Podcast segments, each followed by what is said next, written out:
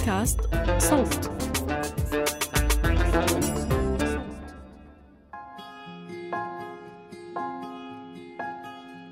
كلمت الوالد إن أنا ما أبغى أرجع. قال لي إن مالش مكان هني. هني لا تقعدين. إحنا ما عندنا بنات يهدون بيت زوجهم. تبون تفسخون بيتكم أو تبون تطلق بالمقابل الطلاق مالكم أو خلع أو طلاق للضرر. أنا تدفعون لي مبلغ 12 ألف دينار. من وينها 12 ألف دينار؟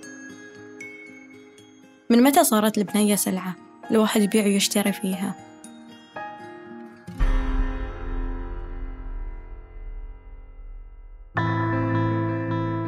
كيف وليش بتأثر العيلة على كل كبيرة وصغيرة بحياتنا؟ وشو بصير بالناس اللي بتحاول تتحدى وتغير الواقع المفروض عليها ولو شوي؟ تفسخون بيتكم أو تبون تطلق بالمقابل عشان قصص هالموسم عن قوانين وعادات وتقاليد متجذرة ومش سهل تتغير بيوم وليلة. إحنا ما عندنا بنات يهدون بيت أنا ما راح أكسب احترام طليقي إلا إذا أنا أنا تالا حلاوة من فريق صوت.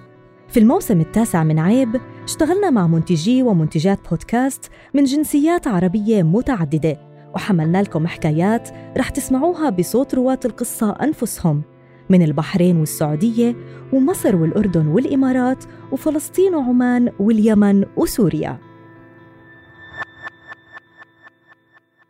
فاطمة الماجد كاتبة وصحفية بحرينية مهتمة بالقضايا الإنسانية والمجتمعية رح تكون معكم في حلقة اليوم. في هذه الحلقة بنسلط الضوء على موضوع الطلاق في المحاكم الجعفرية البحرينية. والمحاكم الجعفرية هي المحاكم التابعة للمذهب الجعفري في مملكة البحرين. تبدأ المعاناة غالباً لما تتعرض المرأة لأي نوع من أنواع العنف من الزوج وبعدها تلجأ للمحكمة وتطلب الطلاق للضرر. فيكون من الصعب جدا إثبات الضرر في المحاكم الجعفرية بسبب المعايير المفروضة على طبيعة تقديم الأدلة. وغالبا في هذا النوع من الحالات ولما ترفض المحكمة الطلاق تلجأ المرأة للخلع اللي تواجه فيه مشكلة ثانية وهي إن لازم تدفع للزوج مقابل الخلع مبلغ ويسمى البذل أو العوض. واللي يخلي المشكلة أكبر هني هي المادة رقم 95 في الشق الجعفري من قانون الأسرة البحريني. تحديداً هذه المادة تسمح إن مبلغ البذل يكون مفتوح. فيمكن للزوج يطلب أي مبلغ بدون سقف محدد. وعشان نتعرف أقرب على هذا الموضوع تشاركنا في هذه الحلقة. ندى الشابة ذات الاثنين وعشرين عام ووالدتها وكذلك وفاء الأم لأربعة أطفال. علما أن الأسماء المستخدمة في هذه الحلقة مستعارة للحفاظ على خصوصية المتحدثات.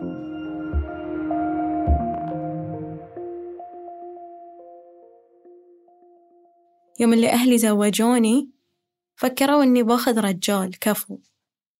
فكروا إني بيحطوني في إيد أمينة. بس للأسف هو ما ما كان كفو. لو كان كفو ما تم ما تميت معلقة خمس سنين. من مرحلة لمرحلة طافت عمري. من كان عمري 17 سنة كنت خريجة ثانوي. لحين أتكلم وياكم عمري 22 سنة خريجة جامعة. طبعا هذا كله بجهد نفسي. كنت أضغط على روحي عشان أوصل لهالمكان. الشيء اللي أخو حرمني منه؟ أنا كنت أتمنى أحققه وحققته الحمد لله. فما أعرف لي وين بنوصل ولا أدري مين اللي بيقدر يوقف وياي ويساعدني. تغيرات متسارعة رسمت في حياة ندى بدون لا تفهمها ولا تعرف أسبابها. ندى تزوجت في عمر مبكر تقريبا ومن بداية حياتها الزوجية واجهت عدد من المشاكل وحاولت إنها تواصل وتقاوم. مشينا مشينا ويا الحياة.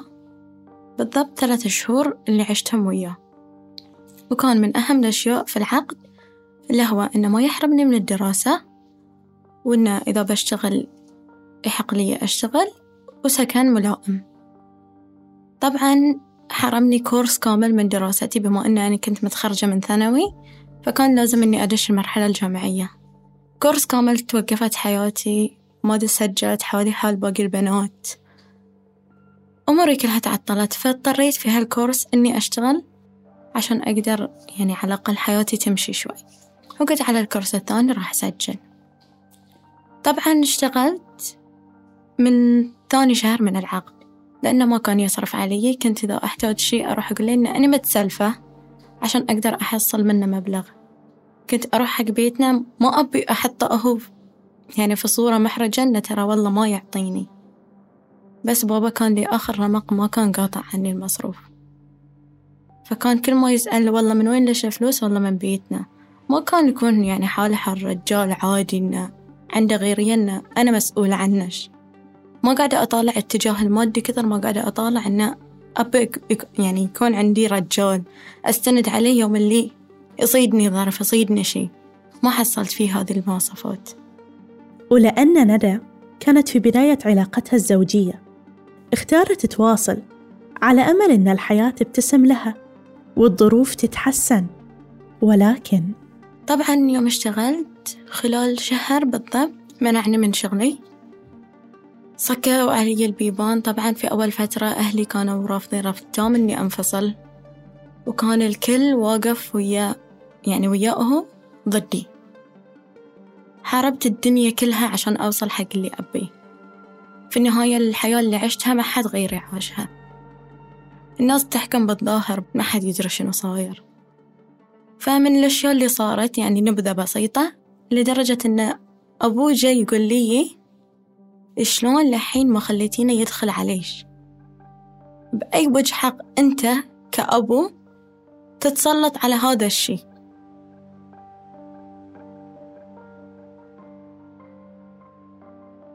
وطبعا تواصل تدخل الأب في كل تفاصيل حياتهم لحد اليوم اللي تراكمت المشاكل وطلعت ندى من بيت زوجها لبيت أهلها على أمل إنه يهدأ الوضع بعد فترة وتعود الحياة لمجاريها.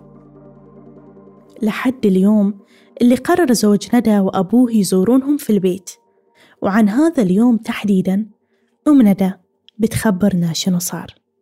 يوم قال بجي بتشرف يعني بزوركم تحياك الله على عيني وراسي تفضل. ما أدري وش عنده يعني يمكن لأنه كانوا بينهم شوية خلاف بسيط. قلت يعني يمكن جاي يشتري ياخذ بخاطرها وياخذها ويمشي. الأبو مع الولد. لا طلع لنا الأبو جاي بس لحتى وخلاص يا زعم إنه ترى بيتكم إحنا ما نبيها يعني. ولا في إليها خاطر ترجع. ترى إحنا خطبنا لولدنا. الموضوع ما أخذ له حتى أسبوع. إنه شنو دايركت يعني برجع على رأسي واحدة. خلال شهر شفنا متزوج خلاص. طبعا خلال شهرين يعني نفس الفترة اللي هو عقد فيها جايتني قضية العودة لبيت الزوجية. فأنت توك عاقد ورايح رافع علي قضية. فشنو المطلوب مني أنا؟ أنت الحين مفروض شفت حياتك بتعيش. أنا اللي حياتي موقفة.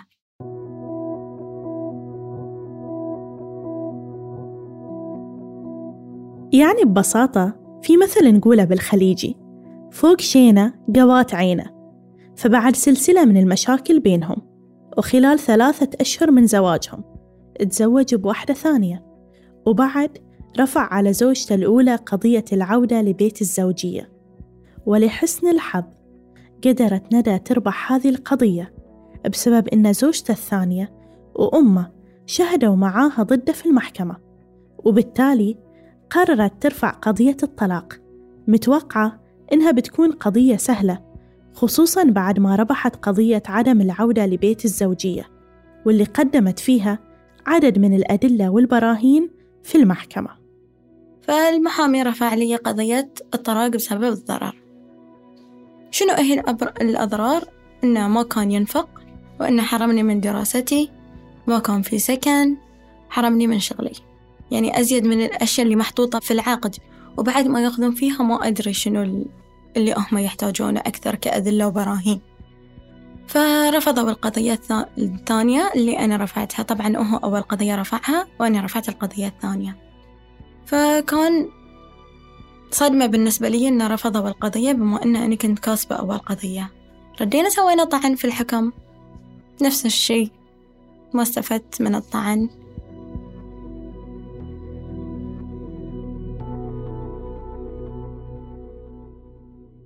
وبعد عدة محاولات للتواصل معه والتوصل لحل ووساطات. قالت لنا مريم إن اشترط إذا تبي تتطلق خلع بيكون عليها تدفع مبلغ بذل 12 ألف دينار بحريني يعني بما يعادل تقريبا 32 ألف دولار. وطبعا قانونيا ما في أي رادع يوقف الرجل في المحاكم الجعفرية عن طلب أي مبلغ للبذل مقابل حصول البنت على حريتها. قاعدة وياه شيوخ قاعدة وياه ناس من أهلي ناس من أهله قاعدة وياه. ما وصلنا لنتيجة. لدرجة آخر مرة قام يسته يعني شبه استهزاء إنه إذا تبون بنزل لكم. كم بنزل؟ والله عشرة. مسوينها كسلعة. من متى صارت البنية سلعة؟ الواحد يبيع ويشتري فيها.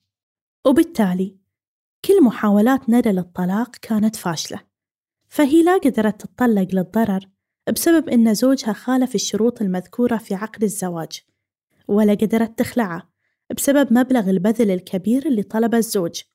وبقت مثل ما نقول معلقة وما تعرف شنو النهاية. حياة بنتي خمس سنوات واقفة وما أدري متى تتخلص. لو كانوا في سجين ومحكوم عليه بحكم يدري كم بيخلص حكمه. أني بنتي وضعها مبهم واجد متعب للنفسية. بنتي نفسيتها تعبانة. كل مرة أقول لها يلا ماما هانت يلا هالمرة حالجلسة يلا أما السنة. ماما متى يسمع الكلمات. ماما خمس سنوات خلصت من عمري. بعد لمتى؟ أعطاني مهر ماما وقدر 1500 دينار بحريني. ياخذ ال 12000 أو ال 10000 والنص بعد التخفيض ليش؟ أني أطالب أطالب بمد يد العون. بس اسمعوا أبي ضمائر حية. وين أي فقه يقول؟ أي فقه يقول إن البنية إذا ما تعيش يا رجال غصبا عنها ومكرهة تعيش معلقة ما تعيش حياة ما تنجب ما تسوي حياة تتعطل مسيرة الكون. هذا اللي الله أراده. إحنا اللي قاعدين نصرخ كأن ما في إلينا صوت يسمعنا. مثل المقبرة كأن واحد في قبر ما حيسمعه اللي في القبر ما حيسمعه. نفس الشيء أنا قاعدة أطالع الصورة. بناتنا يكسرون الخاطر في المحاكم.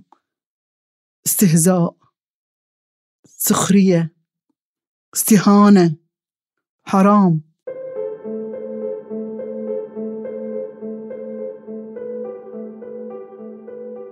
هذه الحالة هي حالة واحدة من بين أكثر من خمسين سيدة. تحمل هذه المعاناة حاليا في البحرين وما زالت تنتظر الإنصاف في المحاكم الجعفرية.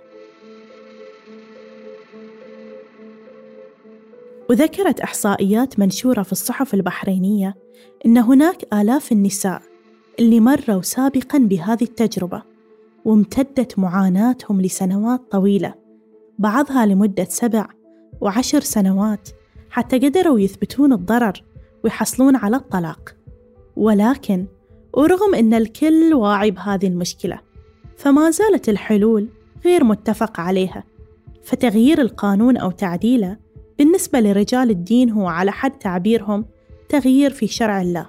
وأما حل توحيد القانون بين الشق الجعفري والشق السني يصنف أيضا رجال الدين وبعض الأطراف في المجتمع اعتداء على خصوصية المذهب الجعفري في البحرين. وبالتالي فالحل ما زال مفقود.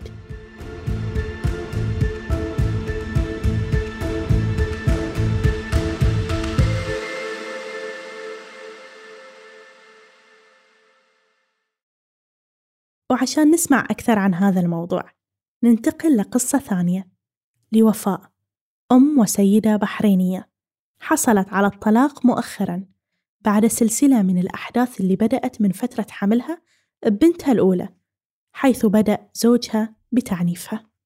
المشكلة بدأت لما يعني أنجبت أول مولود خلاص إن الزوج يفكر إنه بيملك الزوجة بالأولاد يسيطر عليها إنه خلاص يعني هي ما تقدر تطلع يعني من أي منفذ لما تجيب الأولاد. هاي العقلية اللي دائما سائدة عندنا في القرى في المجتمع. قررت من جبت أول مولود آه، إن خلاص يعني أطلب الطلاق. بس طبعا البيت عارضوا. إن كان في البداية خلاص لما الزوجة تنجب أولاد يعني ما يحق لها تتطلق. تكون حياتها مقتصرة بس على أولادها تفكر بس في أولادها. طبعا كان التيار جار في ما قدرت يعني أتحدى الكل. اضطريت إن أساير حياتي الزوجية وزوجي و... وإن خلاص أتعود على الوضع. بس في هاي ما كنت أفكر إن ألجأ إلى أي دفاع غير الأهل. جربت وفاء إن تطرق كل أبواب الحلول بس ما لقت أي نتيجة فاستسلمت للأمر الواقع. وحاولت إن تتعايش مع زوجها وبقى هذا حالها لعدة سنوات حتى صار عندها أربعة أطفال ولكن استمرار الحياة الزوجية على هذا الحال كان شبه مستحيل.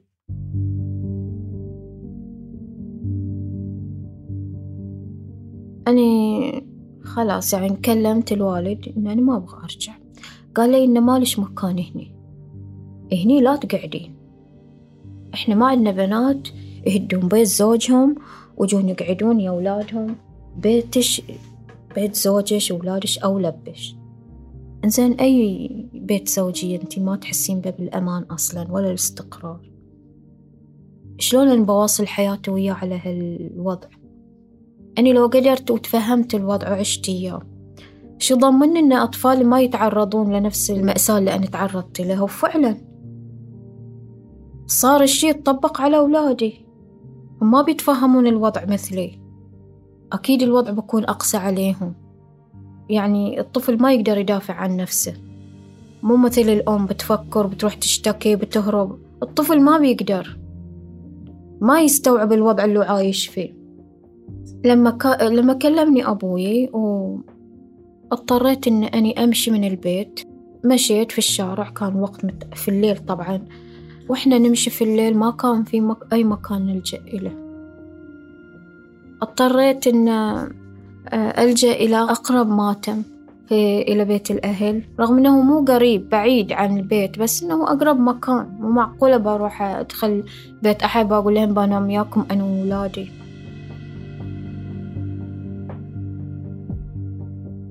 وتذكر وفاء إحدى المواقف اللي ما تنساها خلال حياتها الزوجية.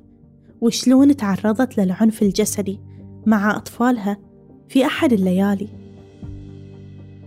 في آخر المطاف اضطريت لما تعرضت للضربة في ليلتها أني وأولادي كان طول الليل كانوا يصيحون. أنا كنت إياهم. حاولت أحصل على مخرج إلى إلى وضعي. ما كنا نبغى شي كنا بس نبغى نعيش بأمان. ما كنا مفتقدين في في البيت كنا مفتقدين لهذا الشيء والمفروض إن الأب هو المصدر الأمان الوحيد إلى الأولاد والزوجة. بس إحنا ما كنا نحصل منه لا على أمان ولا على استقرار. اضطريت إن في هاي الحالة إن أقفز من الدريشة. ولجأت إلى بيت الجيران طبعا. وكان زوجي مقفل على كل أغراضه حتى العباية حتى الأحذية مالتي حتى النعال مقفل عليهم على أساس حتى لو حاولت الهرب ما عندي أي مقومات أقدر أخرج منها. كان عندي في المخزن طبعا الملابس المستخدمة كان فيها عباية ودفة. يعني هي اللي نقذتني لبستها وطلعت. وكنت لبست نعال مال المطبخ. وخرجت من الدريشة ولجأت إلى بيت الجيران. استنجدت بالأمن. أخذوني وقدمت بلاغ ضد زوجي. بعدين خبروني المركز إن أروح دار الأمان. اللي هي دور إيواء هني في البحرين لحالات العنف الأسري اللي ما عندهم مأوى. ورحت هناك على أساسها هيئوني إلى حياة جديدة. ولما قررت وفاء أن تاخذ قرار الانفصال كانت الصعوبات كثيرة فواجهت خلال رحلة الانفصال عدد من العقبات. اللي قاعد يطبق علينا قانون ما أنزل الله به من سلطان تنازل مقابل الطلاق تعال تنازل عن كامل حقوقك النفقة بدل سكن الحضانة عشان تتطلقين. هاي مو قانون. طبعا خلوني بين خيارين كل واحد أصعب من الثاني. يا إني أتنازل مقابل الطلاق أو إني أصر على مطالبي أو حقوقي وأظل معلقة طول حياتي. تنازلت مقابل إن أني بعدين أذا أذا أريد أطالب بأولادي. وبعدين لما تنازلت تم الطلاق وبعدها رفعت قضية آه، اللي هي الرؤية زيارة. في خلال هذه الفترة ظليت ثمان أشهر ما شفت أولادي. كان مانعنهم حتى إنهم يتصلون إلي. يعني لدرجة لو أتصل وأحد منهم يرفع التلفون كان يعني يتعرض للعنف التهديد. يعني حتى قدامي أتذكر بنتي الكبيرة كان أقول لها إذا اخترتين أمش بفصل راسش عن جسمش. طبعا وفاء كانت بين خيارات صعبة. خلتها تضطر ترجع لبيت الزوجية بعد انفصالها للمرة الأولى. خصوصا إن الأطفال كانوا مع الأب بسبب القانون وبسبب عدم وجود مكان عدها لهم. ولكن بعد هذه الرجعة تأكدت أكثر من صعوبة الحياة. في بيت مشحون أشواك مثل هذا البيت وقررت تأخذ قرارها النهائي وتطلع بدون رجعة. فسألناها عن شعورها بعد الانفصال الأخير. شعوري كأن قفص انفتح لي في ظل تحلق جناحين. يعني لما انتين عايشة في مأساة حقيقية تحسين بكيانش بذاتش إنش تقدرين تحققين إلى نفسش أبسط الأمور اللي هي الحرية قرار نفسش. إنش تتحكمين في قرارات أنتين في حياتش أنتين اللي بتعيشينها. مو أحد يقرر عنش. طول فترة زواجي عشت معلقة. شهرين في بيت زوجي وباقي الأشهر في بيت أهلي. بدون أي نفقة. و يعني بدون أي حقوق. وغالبا يكون ضحية كل هالمعاناة أطفال. ما لهم ذنب. غير إن القدر اختار لهم أب أحيانا يكون غير مسؤول. ومجتمع أحيانا يكون غير عادل. حتى كانت بنته صغيرة يعني ياخدها عنده رضيعة. ما كنت أقدر حتى آخدها من عنده أخليها في حضني. أصلا حتى يوم أخديتهم يعني كان يضربني ويطردني لما أقعد في بيت أهلي ما كان يجيب لهم أي مصروف. لدرجة يهددني يقول لي بخليش تعيشين على الصدقات ليش؟ يعني أي يعني وازع دينه أو أخلاقي هذا الزوج أنا والله مستغربة. يعني شلون في أزواج بهالمستوى يعني؟ لدرجة ولدي الصغير أصغر واحد كان توه شهرين أو ثلاثة. يعني تصوري أظافر إيده صار لونهم أبيض بسبب إن أني ما عندي مبلغ أشتري له حليب. طفل رضيع ما كان يشرب حليب كنت أحط له ماي وشكر. بس عشان أروع عطشه ومن وضعي النفسي أصلا أني ما كان ما كنت أقدر أرضعه.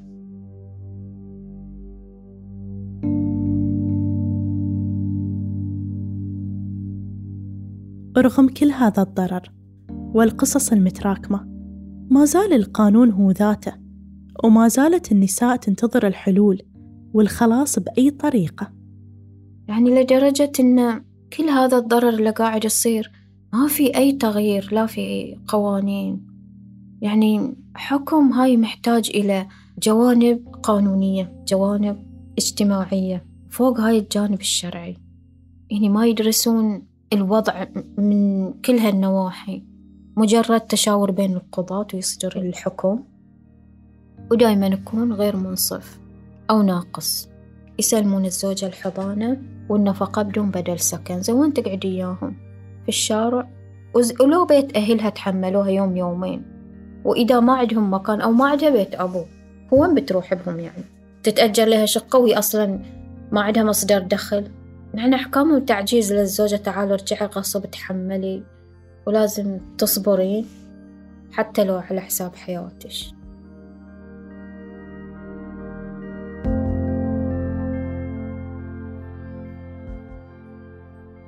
استمعنا في هذه الحلقة لأصوات عدد قليل من الحالات اللي تعاني من المشكلة وما زال في أصوات الكثيرات خلف الأبواب الموصدة. ينتظرون الإنصاف. في الحقيقة. ودي أشكر النساء المشاركات على شجاعتهم في الحديث معانا. وفي هذه اللحظة تحديداً أتذكر عدد من النساء اللي تلقوا تهديدات من أزواجهم في حال تكلموا عن قضيتهم. وتحضرني قصة واحدة من النساء وهي غير بحرينية ومتزوجة من بحريني طرحت قضيتها في وسائل التواصل الاجتماعي خلال الفترة الماضية فقام زوجها بنشر صورها بالملابس الخاصة للانتقام منها ومن ثم هددها بسحب الأطفال منها في حال ظهرت وتكلمت مرة ثانية. والمؤلم أكثر إن التحدث والتعبير عن هذه المعاناة غير مسموح ويعتبر من المحظورات. فالمجتمع يشوف إنه من غير المقبول للمرأة إنها تتحدث عن قضاياها علناً.